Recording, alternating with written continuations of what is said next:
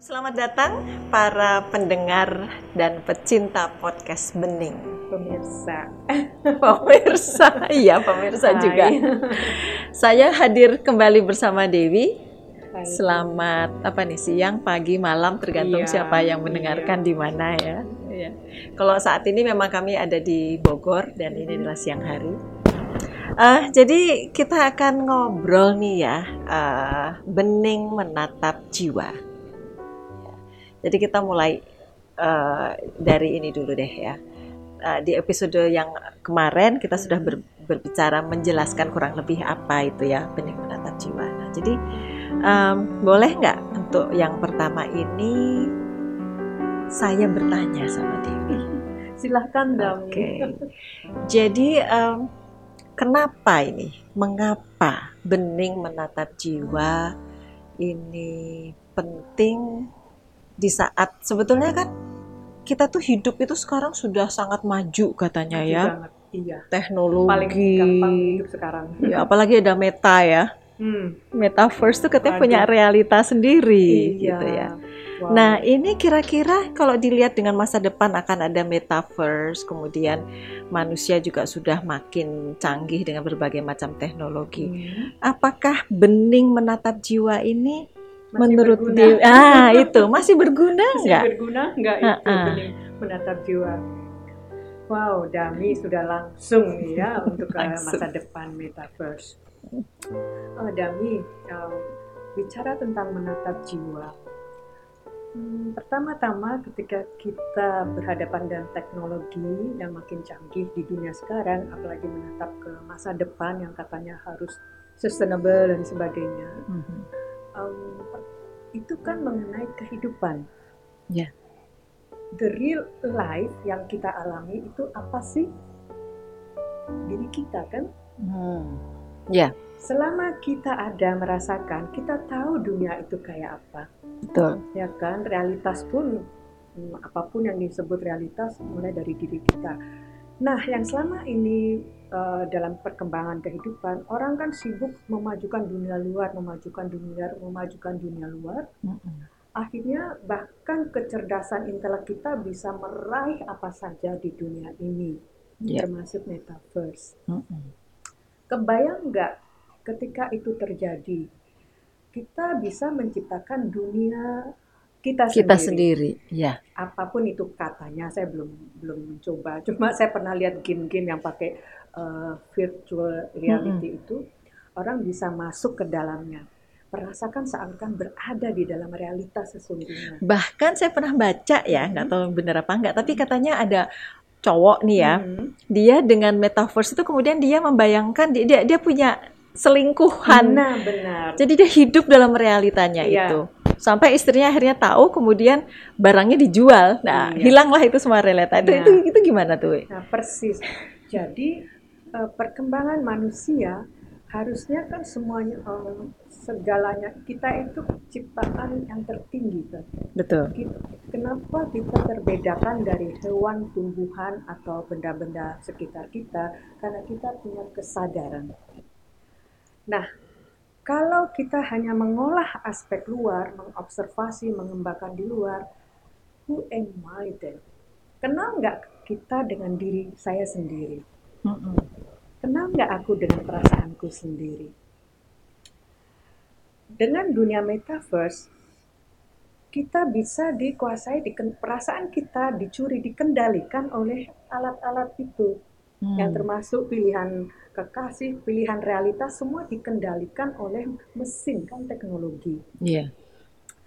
Kalaupun itu terjadi, kebayang nggak dunia kita tidak sustain, tetapi dunia makin hancur. Karena apa? Orang dikendalikan oleh apa yang kurang di dalam dirinya. Yang pada awal sesi perkenalan sudah saya katakan, kalau dunia ini hancur, ada sesuatu yang hancur di dalam Iya. jiwa kita. Iya.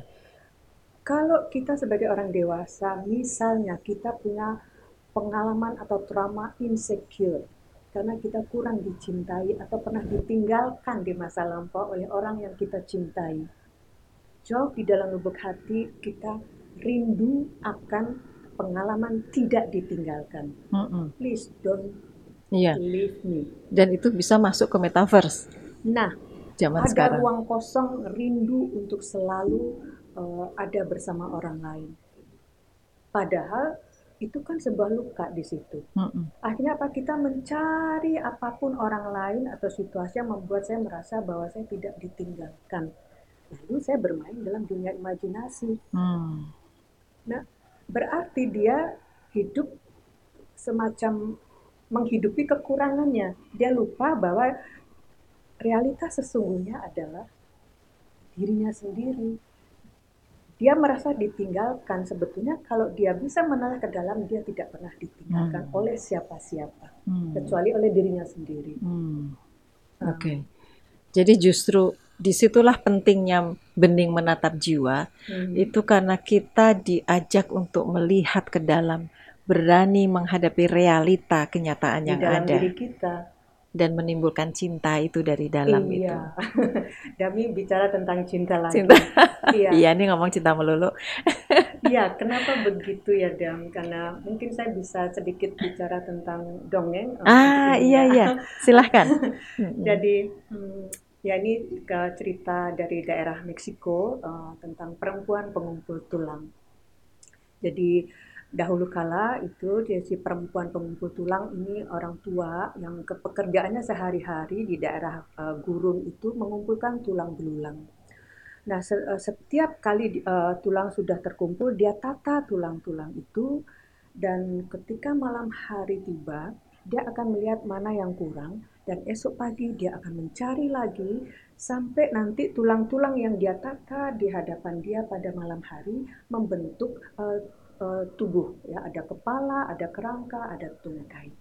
Nah, saat itu tiba pada malam hari saat bulan purnama, sang sesepuh Laloba, perempuan pencari tulang ini, dia akan hening sejenak, dia menatap tulang-tulang yang sudah eh, tertata, dia akan bertanya, nyanyian apa yang tepat untuk dinyanyikan pada tulang ini. Saat dia terhubungkan dengan tulang kerangka ini, dia menemukan nyanyian yang tepat, dia menyanyi, menyanyi dengan keras, menari, menghentak-hentakan kaki sehingga bumi bergetar. Lama-lama tulang belulang ini akhirnya menjadi utuh kembali, eh, berbentuk makhluk hidup, eh, serigala, yang ketika dia bangun karena la- lagu itu cocok sekali, akhirnya menjelang pagi saat eh, matahari terbit, Terbit. serigala ini lari menghadap cah- eh, matahari terbit. Dan dari kejauhan cara serigala itu lari. Persis seperti perempuan yang begitu bahagia menatap matahari terbit menyambut kehidupannya yang merdeka. Cerita Laluta. Luar biasa. Maknanya apa ini? maknanya. Nah di dalam diri kita eh, ada sang sesepuh itu. Ini sebetulnya adalah simbol roh yang di dalam diri kita. Hmm. Em, biasanya ketika kita mengalami kondisi padang gurun, tahu nggak kondisi padang gurun jiwa kita? Kering. Garing. Pernah nggak ngalami garing? Pernah. Ngalami garing. Aduh, ngalami garing, Boya kamu dikasih segepok bunga itu, apaan sih? Dikasih makanan enak-enak. Apaan sih? Melihat pemandangan yang indah, apaan sih? Eh, hati begitu dingin, Hambar. Hambar. Mm-mm. Kebayang nggak kalau kita terus-menerus dalam kondisi ini dan tidak pernah untuk berpikir masuk ke dalam menemui sang laluba. Hmm. Biasanya yang terjadi kebanyakan orang ketika hati kita garing, kita lari mencari hiburan, kita ke kafe, kita ke klub, kita minum, kita senang-senang. Pokoknya melupakan lah ya. Kita melupakan rasa yang kering itu. Mm-mm. Nah, di situ kita makin terjebak, makin terjebak. Mm-mm. Kebayang nggak orang-orang misalnya itu pun salah satu di antara kita atau kita saintis, ya saya tidak tahu, kadang-kadang kita lari dari perasaan yang kosong itu ya. Mm-mm. Hmm, apa akibatnya dalam hmm, dunia sesungguhnya kalau orang yang garing-garing ini terus menjalankan profesinya? Hmm. Kebayang nggak, Dam? Iya. Iya. Seorang dokter dia tidak akan bisa mendengarkan dengan baik karena hatinya garing. Yang penting minum ini uh, harus diminum selesai Iya. dan tidak ada komunikasi. Iya. Kebayang nggak itu kalau dia seorang insinyur perlu menatap jiwa? Iya.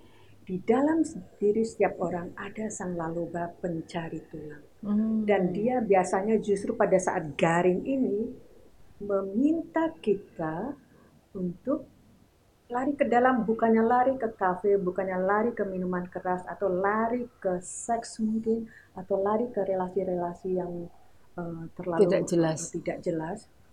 Harusnya itu sebenarnya undangan, masuklah ke dalam Nah, ketika kamu terus masuk ke dalam, kamu akan bertemu dengan Sang Laloba itu yang sebetulnya sedang mengumpulkan impian-impian apa sih yang terlewatkan yang tidak pernah bisa kamu wujudkan karena kamu terjebak dalam kehidupan rutin kamu, kehidupan rutin kita.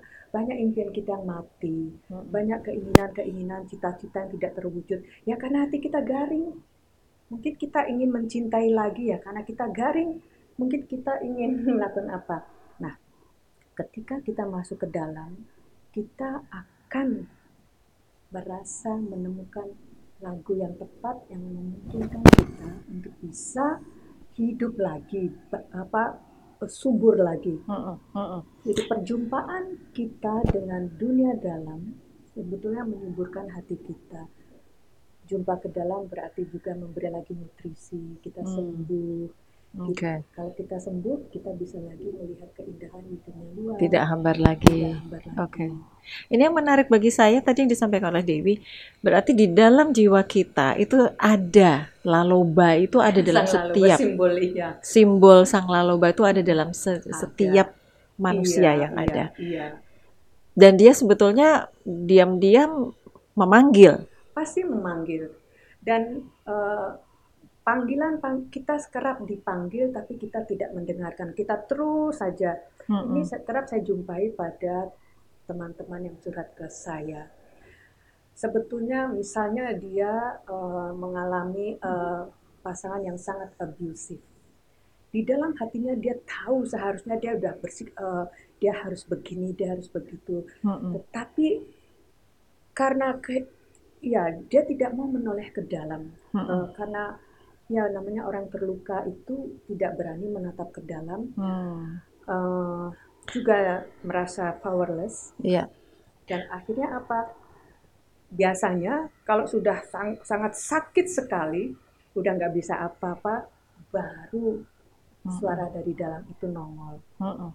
boleh nggak kalau saya padankan ini dengan uh, kehidupan kita di mana ya? Saya selalu mengembalikan pada eksploitasi alam ya karena memang itu bidang saya selalu ngeliatnya yeah, dari situ. Okay. I have always questioned myself why is it that people can just apa ya kayaknya nggak peduli banget gitu ya uh, deforestasi, kerusakan yeah. apa pencemaran air dan sebagainya. Padahal kok dilihat siapa sih yang tidak kepengen ke alam dan menikmati pemandangan indah. Hmm. Ya kita ke Grand Canyon, kita hmm. ke kalau di Padang hmm. tuh ada apa? Ngarai Sianok. Ngarai Sianok dan sebagainya ya. Itu kan ya di Indonesia lah uh, banyak hmm. banget juga keindahan. Uh, jadi semua orang tuh pasti senang dengan alam dan rasanya pasti begitu ngeliat keindahan itu langsung cinta dengan alam. Hmm. Tapi on the other hand, di tengah rasa cinta mereka yang besar sekali ke alam, mereka ini juga adalah orang-orang yang bisa sangat merusak hmm. gitu. Jadi gimana nih kalau Dewi melihat itu padanannya dengan tadi laloba gitu apakah ada diskoneksi antara satu bagian dari hidupnya yang cinta menikmati tapi kemudian dia merusak habis-habisan mining habis-habisan dia merasa itu sah-sah aja karena ini kan untuk ekonomi alasannya gitu. Iya. Ini untuk masyarakat iya. lokal. Padahal masyarakat lokal banyak sekali justru jadi tidak. korban. Iya benar. Bukan iya. dia masyarakat iya. lokal tidak mendapatkan keuntungan tidak. dari eksploitasi itu. Benar. Itu kalau orang-orang seperti itu boleh nggak saya memadankan dengan cerita Laloba tadi bahwa sebetulnya mungkin di dalam jiwa orang-orang itu ada juga yang Pas. memanggil tapi nggak didengerin oleh iya, dirinya karena tidak ditatap Iya Dami, um, kenapa manusia bisa merusak alam mm -mm. Uh, demi ekonomi? Iya. Yeah. Begitu. Ya saya tidak mau mengadili orang tersebut, betul, tapi sebagai betul. proses perkembangan manusia. Mm -mm. Um, kita manusia kalau kita melihat ke dalam kita akan bertemu dengan jiwa. Oke. ya kan? Dan jiwa ini berlapis-lapis. Oke. Nah, eh, Ada berapa lapis, Wi? Dapat lapis-lapis jadi mikir, oke. banyak Nggak pendapat dalam hal itu ya. Mm-mm. Tetapi katakanlah itu tadi kita bicara seperti bawang. Karena apa? Lap- eh, jiwa itu membawa pengalaman-pengalaman terluka kita. Ah, jadi luka itu merupakan lapisan juga ya? Of course, jadi kan bisa pengalaman di masa sekarang, bisa pengalaman di masa pubertas, bisa pengalaman jiwa di masa kanak-kanak, bahkan Mm-mm. barangkali yang kalau kita memahami mengenai masa lampau lebih jauh, membawa juga aspek itu di dalam diri kita kayak karma mungkin bahasa-bahasa Hmm, itu. oke. ya. Nah, kalau kita tidak pernah memperhatikan dunia dalam, padahal di dalam jiwa itu ada inti terdalam kita adalah hati nurani hati Hmm, kita yang merasa. Oke. Nah, hati inilah yang sebetulnya sumber dari cinta itu. Ah, Jadi, kalau kita tidak pernah peduli, nggak pernah nengok ke dalam, ke mm-mm. dalam menatap jiwa dengan hati bening, ya dengan benih. Mm-mm. Karena kenapa saya mengatakan dengan bening? Banyak orang gini, eh, kalau klien datang ke saya ditanya, ah saya nggak ada apa-apa kok, rasanya Mm-mm. biasa-biasa saja hidup Mm-mm. saya. Mm-mm. Tapi begitu saya coba saja coba kamu menggambar gini gitu, itu kan sesuatu yang di bawah sadar itu nggak apa-apa sudah menangis. Hmm. Artinya apa? Banyak di antara kita untuk noleh ke dalam bukannya tidak mau, tapi tidak mau juga untuk merasakan sakitnya itu, karena ada ada pengalaman terluka di sana. Oke. Ya, Atau tidak tahu juga caranya ya? persis tidak tidak tahu caranya. Ya, Mm-mm. eh, tadi kita mau bicara tentang caranya. ya. Mm-mm. Nah, jadi bagaimana caranya supaya kita bisa me- menatap jiwa? Mm-mm. Yang pertama-tama sebetulnya pedulilah dengan perasaan. Hmm. Kadang-kala kita mengabaikan perasaan kita. Misalnya, kita capek aja. Kadang kita mengabaikan gitu. Ah enggak ah, terus aja kerja terus. Itu rasa badan kita. Iya. atau kita marah gitu, kita pendam. Mungkin harusnya kita bilang tidak ke orang lain, tapi karena kita nggak mau nanti apa kata orang kita iya iya iya terus gitu ya. Lama-lama kita mengabaikan aspek perasaan. Hmm. Itu sebabnya kenapa ada orang-orang seperti saya yang tugasnya mendengarkan orang curhat. Karena biasanya lama-lama tidak bisa disangkal problem-problem yang muncul eh, rasa yang terus-menerus tidak nyaman karena barangkali kebutuhan yang tidak terpenuhi. Mungkin harusnya saya didengerin kok nggak didengerin. Iya. Harusnya saya dicintai kok ternyata aku dibentak-bentak Mm-mm. misalnya. Mm-mm. Eh, ah, harusnya saya hmm, katanya janjinya mau setia tidak setia Mm-mm. perasaan-perasaan itu yang mesti sebetulnya di, diakui perasaan itu.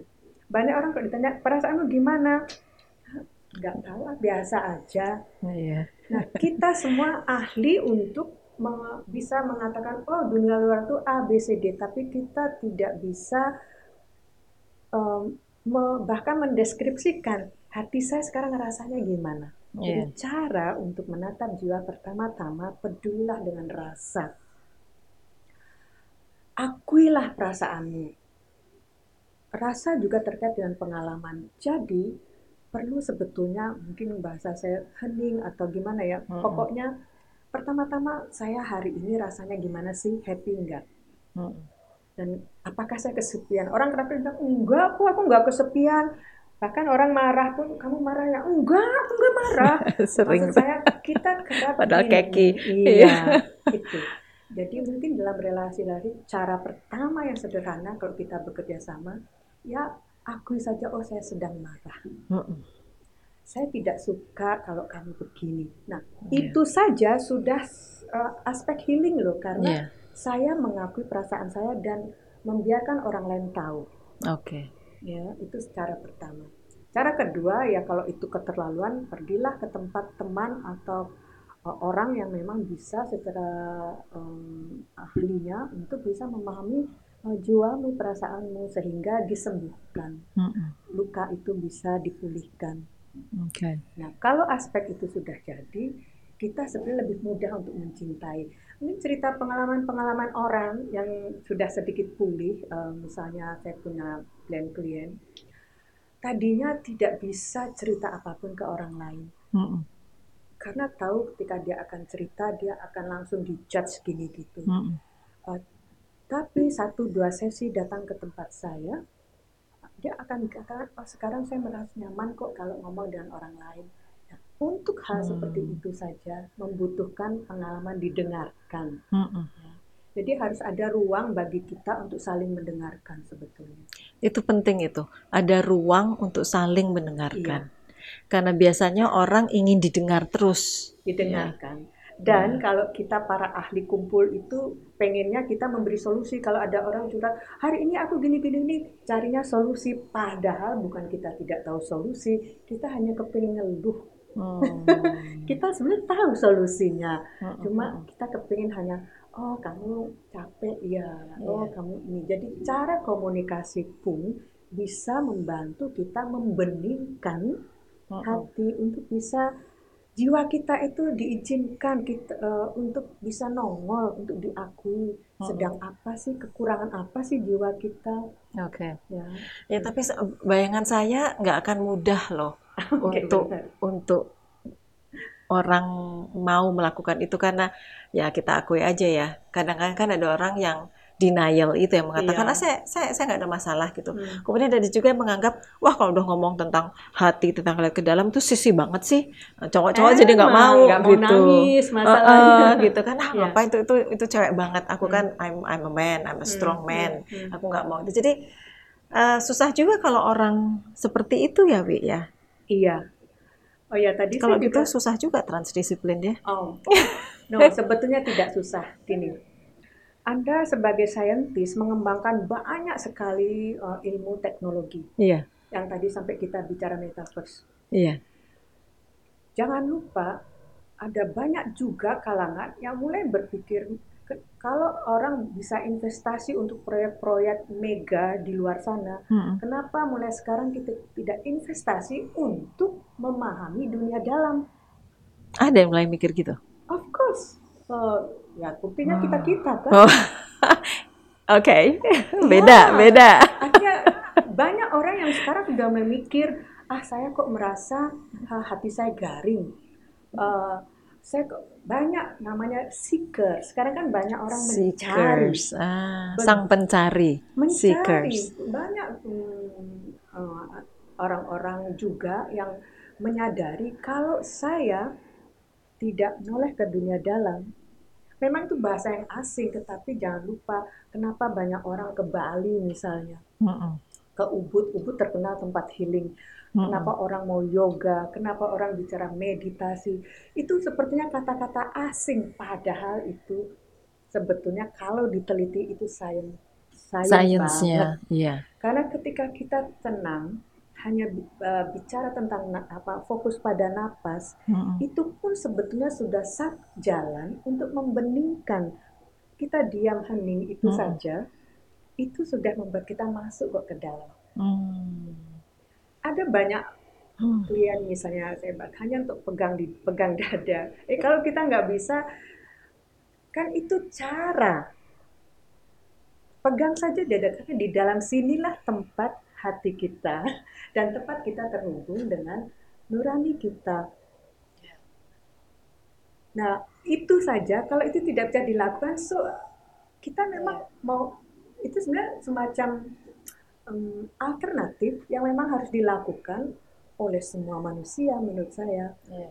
Kalau tidak kita terjebak menjadi dikendalikan oleh dunia Facebook, metaverse. Mm-mm. Mm-mm. Kita Jadi- science, scientist, Iya. ya. Jadi justru dengan makin berkembangnya sains dan Hmm. teknologi, kita makin memerlukan, Sebetulnya harus berjalan. Kita masih makin memerlukan saat-saat untuk masuk ke dalam, Mhm. Ambil waktu untuk ambil sendiri. waktu memahami jiwa kita di saat hi- hiruk pikuk teknologi membuat kita seolah-olah apa ya lepas dari realita kita makin penting lagi untuk bisa memahami jiwa Iya, kita jangan lupa Gitu ya. alam ini seimbang, Dami. Hmm. Jadi uh, di satu sisi mungkin kita pesimis, ah ya saintis berkembang ke mana-mana. Tapi kalau kita mau terbuka, buktinya Dami bisa melihat orang seperti saya Mm -mm. uh, yang bukan katakanlah meneliti uh, peneliti atau apa, Mm -mm. yang merasa bahwa ternyata ketika pengalamanmu bertemu dengan hatimu sendiri dan ketika Iya. Dami mengajar dengan hati yang telah didengarkan sehingga menjadi lebih lega, caramu mengajar pun menjadi lebih uh, berisi. Ya. Iya. Oke. Jadi kalau saya itu ben- bener banget bagian akhir itu ya. Jadi dulu dulu saya mendengar cerita Laloba dari Dewi ini udah lama sih, 15 tahun yang Oh, lalu iya. kali ya. Dan itu bagi saya impact-nya besar sekali. Karena ketika, oke, kayaknya itu dongeng gitu aja ya. Sang perempuan Hmm, mengumpulkan eh, tulang belulang, kemudian bernyanyi. Oh, oke, pertama kali dengar, oh iya, iya gitu. Tapi sebetulnya ketika pulang dari Hmm. eh, kumpul-kumpul, waktu, waktu itu kita ada cewek-cewek kumpul gitu, terus ngobrol tentang Laloba gitu ya. Tetapi ternyata ketika memaknai cerita dari Laloba itu, kemudian berani masuk ke dalam, berani mengakui bahwa ada sesuatu di dalam yang memang perlu perlu apa nih? Perlu Perhatian. perlu perhatian, perlu didengar dan itu kemudian menimbulkan cinta yang begitu besar kepada dunia, kepada kepada alam ya. Dan, Dan- caramu mengajar beda kan? Cara ngajarnya kemudian jadi beda, benar. Cara ngajarnya tuh pakai hati. Dulu m- mungkin pakai hati juga, tapi beda kadarnya gitu kali Kurang ya. bening. Kurang kurang bening ya. Belum Jadi ada bening soalnya. Iya, jadi bagi para mahasiswa yang ada menonton dan mendengar ini, kalau pernah ikut kuliah saya dan merasa ada kuliah saya yang menarik ya, itu karena Ibu Dewi. ya, karena Ibu Dewi membantu saya untuk memahami diri sendiri dan itu terjelma di dalam kuliah-kuliah saya mungkin itu di di situ. Iya, dan concernmu mengenai alam, concernmu mengenai bagaimana manusia tidak semakin merusak, itu kan bagian dari karena merasa harmoni di dalam dirimu, Iya, betul. kepedulianmu di hatimu. Betul. Iya, cuman memang ya itu tantangan terbesar menurut saya di saat teknologi sedemikian maju ini kemudian orang merasa udah nggak perlu lagi itu loh. Itu kan jadi our struggles ya. Iya, Um, but- iya. kita kita har- harus bisa ngomong sama teman-teman, look, it's okay for you to look within yourself. Kamu nggak jadi sissy kok. Iya. Orang kan kadang-kadang takut, oh aku jadi sissy nih, Iya. jadi aku nggak manly anymore. It doesn't have Iya. anything to do with being manly. No. It doesn't have anything to do with being strong or not. Iya. Everybody needs a time where they need to look within. Iya. Gitu It's kali ya. something to do uh, with being human. Being human. being, being, being not doing, and we just doing what we what we are doing is doing. we never become human being. Being, being is just being. Just being. being, just being. And when you when you are just being, you can sense Hmm. what is going on in your heart, In your heart. inside. Ya. Coba Ya. kita selama ini hanya bicara menjadi human, but just human doing, not human being. Ah, itu penting tuh. Human being. So being, aduh gimana nih bahasa Indonesianya. Jadi human itu nggak doing, doing, doing aja ya. But you are being. Nah, ini nih Being. bahasa Indonesianya nggak tahu apa susah nih. Ya. Berada, diam, Iya. Menyadari Silence. keberadaan saya. Iya. Saya dan kalau Anda mengatakan saya diam sebagai manusia, kamu akan merasakan bahwa kamu tidak sendirian. Hmm. Kamu adalah bagian dari semesta yang lebih besar. Oke. If only you can just being. Nah, sebenarnya tujuan kita adalah menjadi human being, kan? Bukan Ya. human doing. Ya, we want to be human being. Ya, Manusia. ya, Memanusiakan manusia. iya. Sementara kita uh, diperbudak somehow by Ya. doing and doing only. Ya.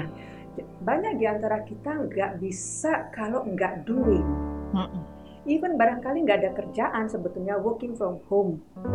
Harusnya bisa punya banyak waktu di tapi saya tahu uh, pengalaman adik yang kerja di rumah, akhirnya manajernya malah justru berjam-jam pagi siang malam itu meeting melulu Meeting karena melulu, iya. manajer dia itu adalah seorang yang single parent yang kalau diem aja pasti pikirannya ke mana-mana dan perasaannya ke mana-mana juga. Jadi kan. kerja terus. Nah, lari dari realita, lari dari Iya. panggilan sang Bapa di dalam diri kita. Oke. Kita ahli dalam running away. Ah, From- itu menarik tuh. Kita ahli dalam running away from our inner, Heart, yeah. our heart. Ya. Oke, wow, keren-keren ini. Em, waktunya mungkin udah cukup ya. Oh, Oke, wah nggak terasa ya. Ternyata sudah 30 menit. Padahal tadinya targetnya 20 menit loh. Oke. Jadi mungkin untuk saat ini kita selesaikan ini Iya. dulu. Jadi From running away ya. running away. Jadi kita stop di running away. Nanti tunggu episode berikutnya dengan tema yang baru yang akan kita uh, sampaikan nanti ya. Tapi untuk saat ini kita ucapkan terima kasih banyak Sama-sama. pada Devi. It's been uh, very enjoyable to talk with you about being. Iya. ya.